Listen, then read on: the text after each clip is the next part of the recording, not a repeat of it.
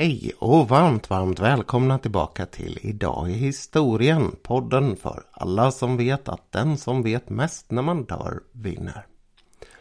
Mitt namn det är som alltid Nils Hjort och den här podden den skulle ju egentligen varit inspelad i förra veckan till mitten av förra veckan till och med så att jag är en vecka sen här. Och det beror på att en sån här härlig dagisförkylning fångade mig i sitt grepp. Nu har min röst återhämtat sig hyfsat. Jag hoppas att jag inte låter för raspig. Min fru sa, men det där är väl ingen nackdel om du ska spela in en podd, men vi får se vad reaktionerna blev. Jag ska i alla fall försöka hålla nere lite på pratandet och därför går vi som i vanlig ordning rakt på sak här.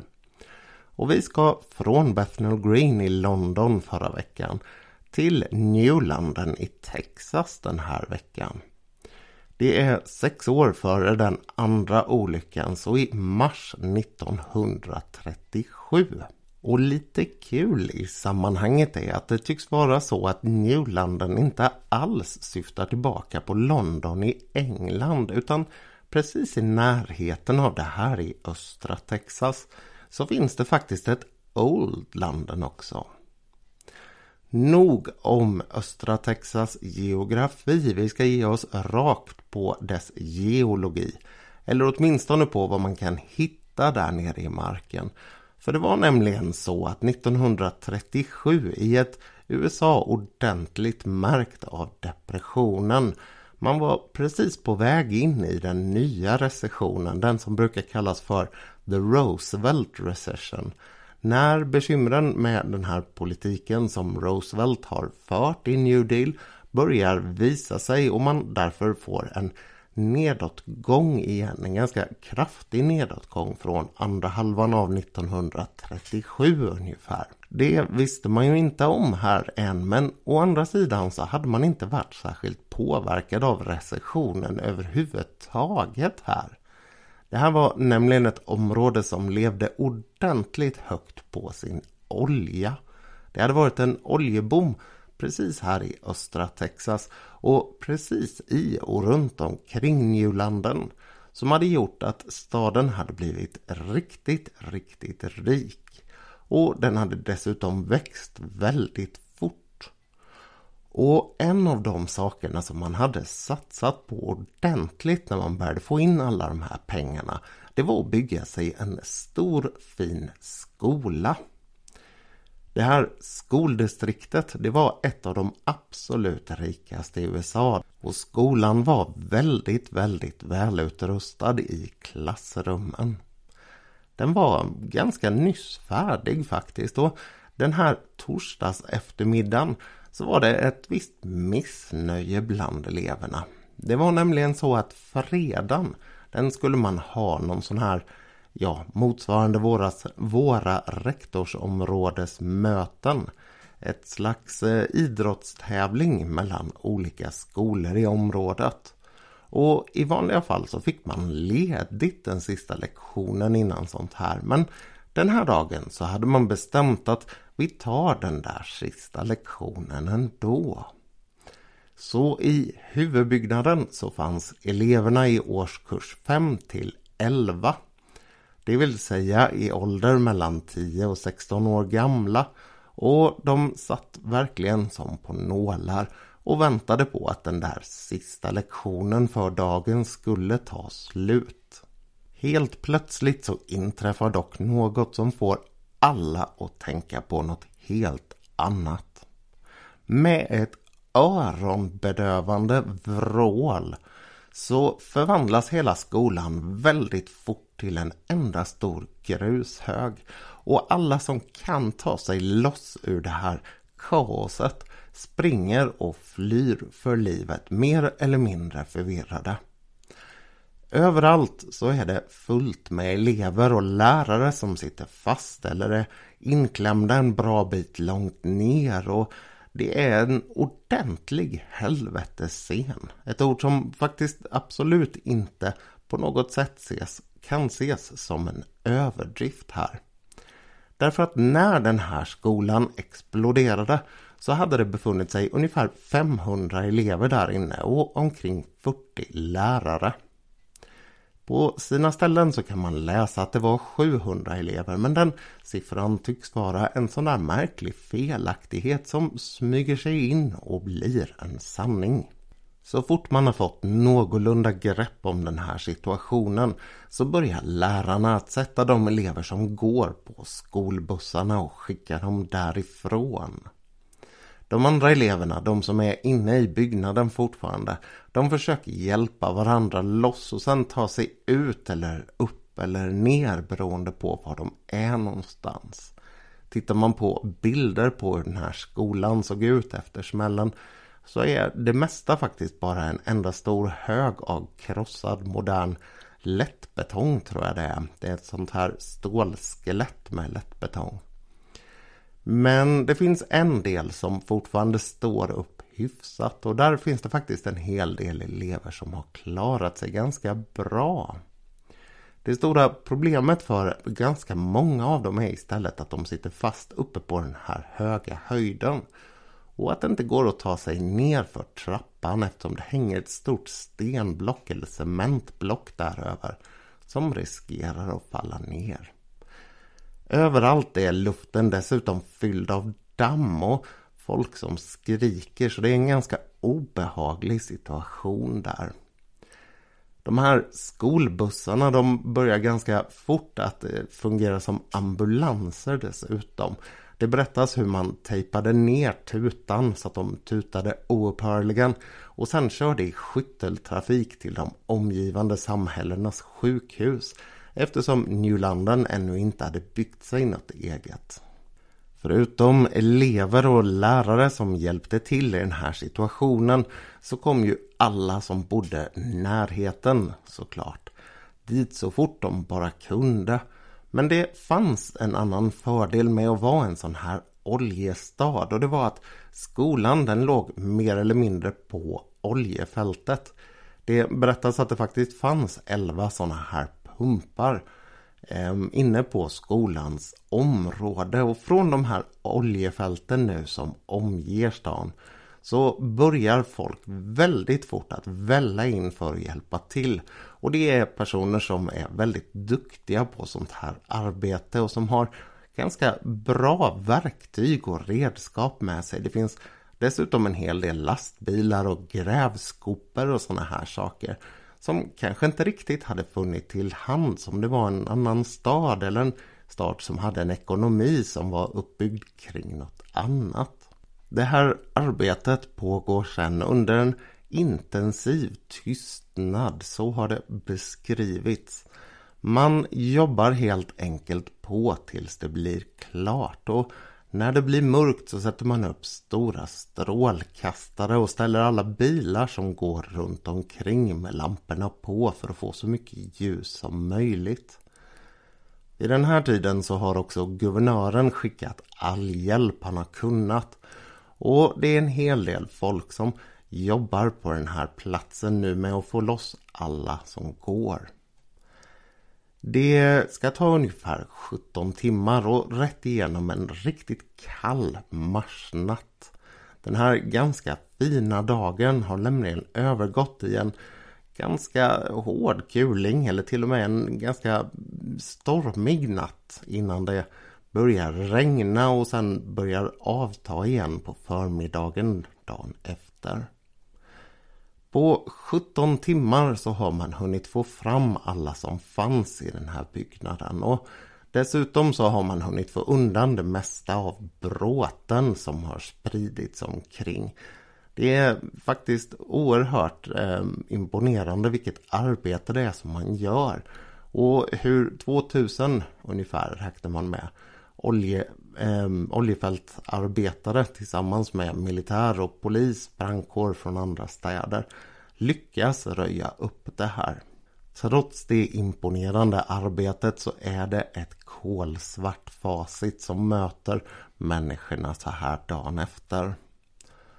Man tror att den slutliga dödssiffran var 298 personer och av dem så var ju den allra övervägande delen omkring 280-290 faktiskt barn. Det är en fruktansvärd situation. Och anledningen till att man inte vet varför exakt det är att det under den här tiden i USA rörde sig väldigt mycket arbetskraft fram och tillbaka och det fanns en hel del personer som bodde tillfälligt på sådana här platser.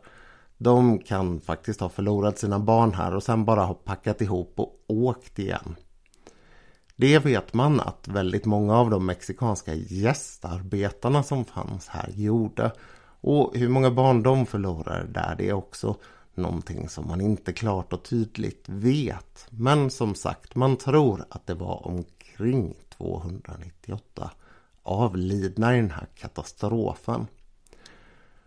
Och efter att man hade börjat komma till den här insikten, i början så trodde man faktiskt att det var en rejält mycket högre dödssiffra. Gamla rubriker talar om uppemot 400-450.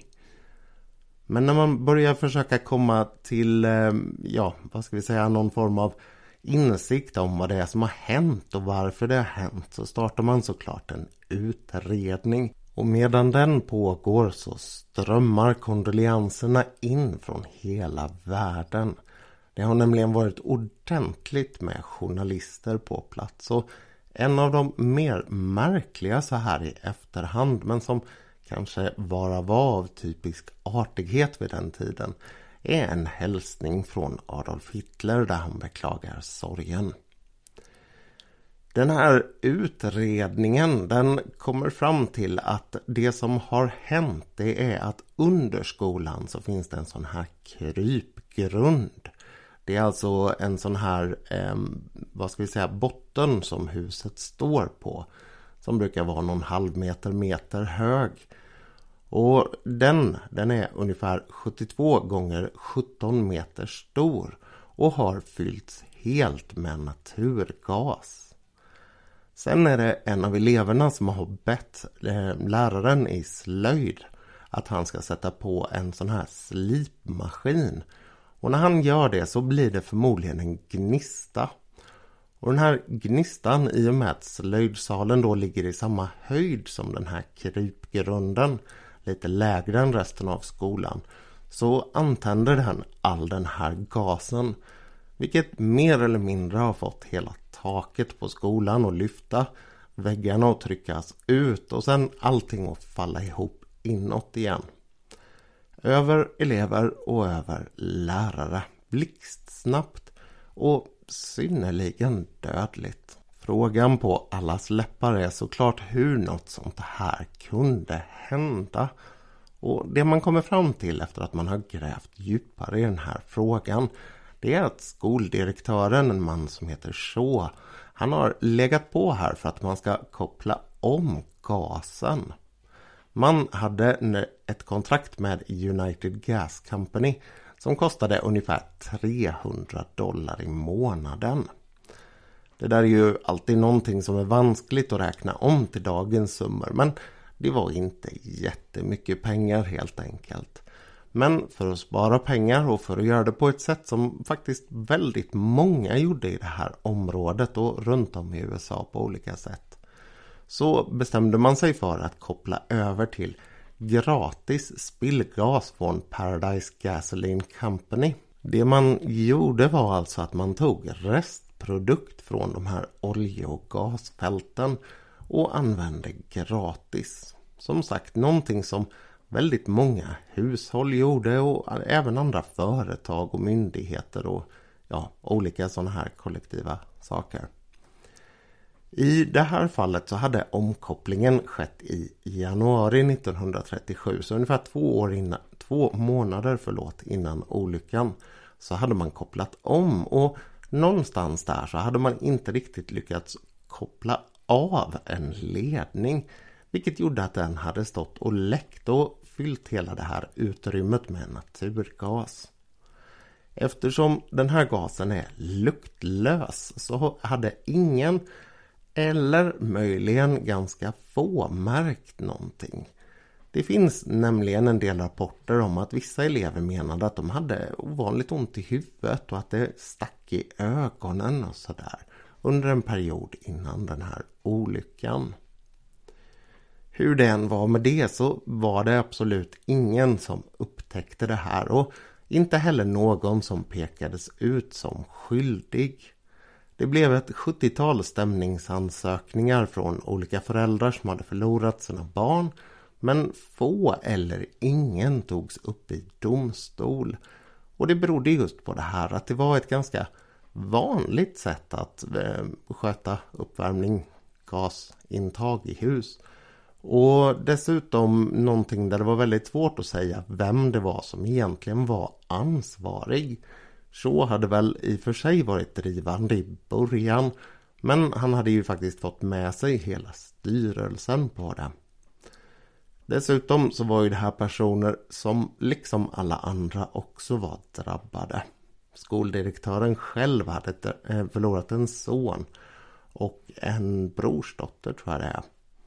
Och det hela för hans del slutar faktiskt med ett sammanbrott. Att han avgår och till slut lämnar stan. Och det är i den här delen som den här historien blir riktigt intressant. När man börjar titta på de enskilda ödena och när man börjar titta på vittnesmålen som det faktiskt finns ganska gott om. Precis som vid Bethnal Green så är reaktionen här tystnad. Det finns på inget sätt någon som helst ansträngning för att tysta ner det hela. Men däremot så finns det någon form av tyst överenskommelse om att vi ska inte prata för mycket om det här. Det finns ingen anledning att gräva ner sig i det utan allting får bara rulla på som vanligt. Två veckor efter att olyckan har skett så är man igång och har lektioner igen till exempel. Och när man har de där lektionerna så har överlevare berättat om att det var en ganska kuslig stämning. De flesta som var där var mer eller mindre omplåstrade och det var en hel del personer på de där listorna som aldrig svarade när de blev uppropade. Det skulle dröja närmare 40 år innan man pratade om det här och när man väl gjorde det så var det lite som att dra plogen ur. Redan året efter, 1938, så hade en grupp elever samlats på årsdagen vid en kenotaf som hade byggts utanför. En sån här tom grav som man använder som minnesmärke. Men när de var där så hade några lärare kommit ut och övertalat dem om att det inte fanns någon anledning att göra så. Att det inte fanns någon idé och poäng i att gräva ner sig i den här historien. Utan det som hade varit hade varit och det var bättre att bara gå vidare och låta såren läka. Men många hade insett att såren läkte faktiskt inte alls genom att man pratade. Att man inte pratade om det. Utan att det behövdes pratas om det och att man gjorde det ibland i små grupper men endast med dem man kände bäst och absolut inte med dem som hade drabbats värst. Men sen kom det där 40-årsminnet 1977 när någon bestämde att det var dags att sätta sig ner och prata om det här. Att låta överlevarna mötas och på sitt sätt reda ut vad det var de hade varit med om. Och för väldigt många blev det som jag sa att dra proppen ur. Att börja bearbeta tillsammans med andra och att ställa de där frågorna som man aldrig hade vågat ställa. En av dem, det gällde Billy Thompson, en kille som vid den här tiden var ungefär 11 år gammal. Han hade på den där ödesdigra sista lektionen för dagen bytt bänk med en kompis. Och anledningen att han hade gjort det, det var att han ville flörta lite med tjejen som satt framför. När smällen kom så hade tjejen som han bytte bänk med dödats. Hon hette Ethel Dorsey och han hade väldigt länge, faktiskt ända fram till det här och upp då i sin 50-års ålder tagit på sig skulden för hennes död. Det var ju trots allt hans idé att de skulle byta bänk och i hennes bänk, i hans bänk, hon dödades. Han skulle kontakta hennes bror senare efter det här första mötet 1977 och fråga hur han ställde sig till det här och säga hur han själv mådde. Han fick till svar att det hade varit så att eh, det hade varit en fruktansvärd tid därefter. Men de hade sakta men säkert insett att det var Ethels tid att dö. Ingen av de andra hade drabbats. Och det var faktiskt inte upp till människan att bestämma. Det här hade tagit honom ganska hårt även om det gav honom frid. Och det var väldigt många som hade sådana här minnen att bära på. En annan person som hade en helt otrolig upplevelse den här eftermiddagen var Robert Hadfield. Han hade pratat med sin mamma på morgonen om att han absolut inte ville gå till skolan och hon hade sagt att det var struntprat. Det var klart att han skulle gå, det var ju inget fel på honom. Han hade sen försökt övertyga henne om att han skulle kunna få komma hem lite tidigare. Hon hade sagt lika blankt nej där. Och sen hade han gått iväg till skolan. Men när det kom till den där sista lektionen då hade han faktiskt pratat med lärare och rektor och fått, fått rätt att gå hem. Han mådde väl inte helt bra och hade ingen större lust att vara där i skolan. Och när han gick hemåt så var det väl med för viss del lättade steg. Men samtidigt så visste han att han skulle behöva ha det där jobbiga samtalet med sin mamma. Och när han svängde upp på sin gata så såg han att hon stod i dörren och väntade på honom. Han gick sakta fram mot henne och funderade på sitt försvarstal och när de var tre meter ifrån varandra så sprängdes skolan. Sällan har väl en förälder varit lyckligare att barnet skolkade men samtidigt så drabbade det där honom på ett sätt liknande det som hände med Billy Thompson. Det här som på engelska kallas för survivors guilt, alltså den skuldkänsla som överlevande kan känna efteråt när man frågar sig varför jag? Varför ingen annan? Varför skulle alla andra dö och jag klara mig? En annan person som skulle drabbas av liknande skuldkänslor var Molly Ward. En person som har betytt mycket för staden och för hur man har kommit ihåg den här olyckan. Hon skulle nämligen senare bli borgmästare i stan och också vara den som politiskt drev på för att man skulle bygga ett stadsmuseum. Ett museum som av naturliga skäl till väldigt stor del handlar om just den här olyckan. Men den där dagen 1937 så var Molly tio år gammal och det var hem och skola-möte på Njulandens skola. För att man skulle kunna titta på en liten dansuppvisning som eleverna skulle ha så hade man flyttat över alla mammorna som var där ihop med eleverna till eh, gymnastiksalen. Så när skolan sprängdes så var de tack och lov inte i samma byggnad. Vilket gjorde att det faktiskt var en hel del eh, tjejer, mestadels faktiskt, ur den här årskursen som klarade sig ganska väl. Överlag faktiskt får jag tillägga så var det väldigt många som drabbades, eller olika årskurser drabbades väldigt olika. Så väldigt många dog till exempel i år 7. Därför att deras sal var eh, ovanför den här slöjdsalen om jag minns rätt. Nåväl, Molly hon klarade sig som sagt väldigt väl från den här olyckan ur fysisk synvinkel. Men det blev ganska tufft för henne psykologiskt. För hennes mamma hon hade inte varit på det där mötet.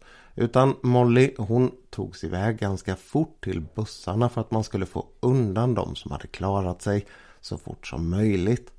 Och när bussen kom hem och stannade så hade folk ganska vid omfattning fått reda på vad det var som hade hänt.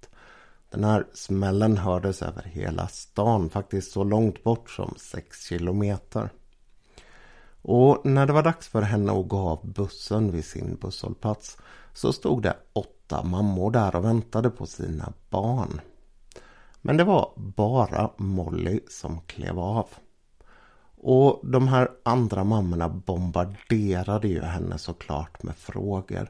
Frågor som hon absolut inte kunde svara på. Frågor som hon absolut inte var i någon som helst skick att svara på. Lite senare så skulle hon få reda på att det faktiskt bara var en av de sju andra mammorna som fick hem sitt barn. Och det där det har levt med henne och skapat frågor under väldigt, väldigt lång tid. Dessutom så var det ju självklart en hel del barn och vuxna för all del också som såg saker som de absolut inte skulle ha sett den där dagen. Att läsa vittnesmål från hur det var på den här platsen är faktiskt riktigt upprivande. Det är förödelse och lidande och skräck och sorg på ett sätt som är alldeles, alldeles fruktansvärt. Ehm, ett annat sätt som man kan beskriva egentligen de här känslorna på eller försöka förklara omfattningen på det här. Det är när man tänker på hur det gick till när man skulle begrava alla de här barnen.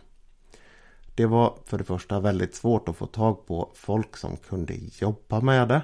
Olika personer som skulle preparera kropparna eller kistor eller präster och pastorer och sådär. Så att det var väldigt, väldigt mycket jobb kring de här begravningarna.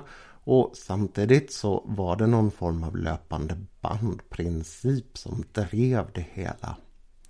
Kyrkogården, eller åtminstone en av kyrkogårdarna där i New London, den har en hel avdelning som bara är för de 300, knappt 300 personer som dog den här dagen. Och det är ju såklart sorgligt nog väldigt, väldigt många barn. Det berättas om att det tidvis var tre begravningar varje timme. Och folk de satt helt enkelt bara kvar i kyrkan och väntade på att nästa skulle börja. Vissa personer drabbades såklart också väldigt mycket hårdare än andra. En av de mest ja, hjärtskärande eller vad vi ska kalla det berättelserna ur det här är om en man som vaknade på morgonen med fru och tre barn. Och medan han var och jobbade så skulle frun bara passa på att gå på hemma skolamötet och sen ta med sig barnet hem. Det yngsta ganska nyfött. Men den där mamman hon hade smugit iväg lite tidigare från hem och skolamötet för hon var tvungen att gå in på kansliet på skolan för att köpa lite lunchkuponger. Vilket gjorde att hon och två av barnen dog i olyckan. Så den här mannen förlorar nästan hela sin familj där. Jag kan tycka att det är väldigt fascinerande faktiskt det här att man efter en sån här händelse bestämmer sig för att bara hålla tyst och gå vidare. Jobba för att bygga upp det som är förlorat och sen göra det bästa av situationen. Jag vet inte riktigt om jag är av det rätta virket för att göra något sånt men ja, låt oss hoppas att man aldrig får reda på det. Det berättas såklart en hel del andra vittnesmål om Ehm, situationen kring den här olyckan också.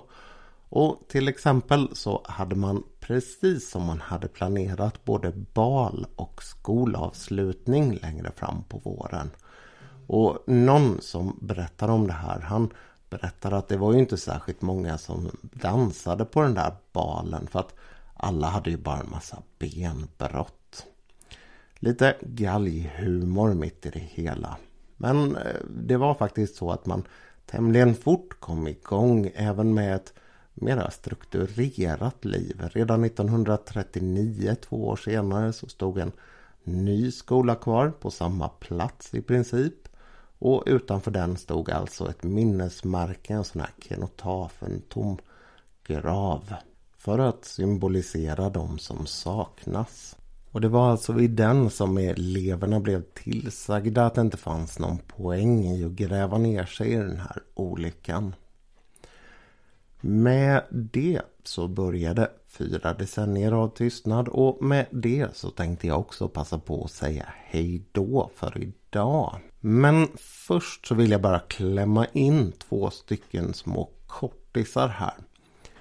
Det ena det är att Maria Persson, en helt fantastisk person som jag har haft nöjet att arbeta med och bli vän med. Hon har med sitt projekt Dagens Dam idag nått 2000 damer. Hon har alltså 2000 dagar i rad fram till idag ritat en kvinna ur historien på den här kvinnans födelsedag och dessutom då en kvinna som är avliden.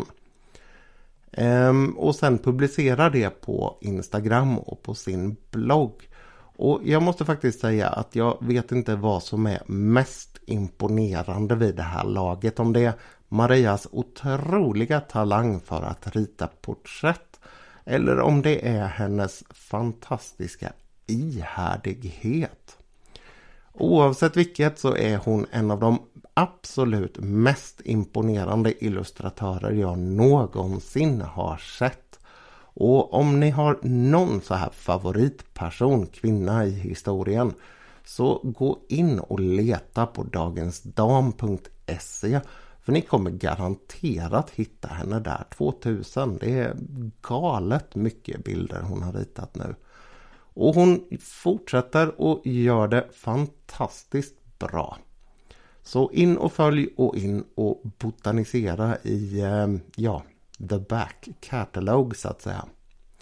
Det andra jag ville säga det var att eh, ni som vill ha tag på mig, ni kan göra det på nils.njort.se och jag ligger som alltid efter med att svara på mejl där. Jag ska sätta mig och göra det ikväll för er som väntar på svar. Ehm, fram tills att vi hörs nästa gång, någonting som förhoppningsvis inte kommer dröja en dryg vecka igen. Så får ni ha det så gott. Hej hej!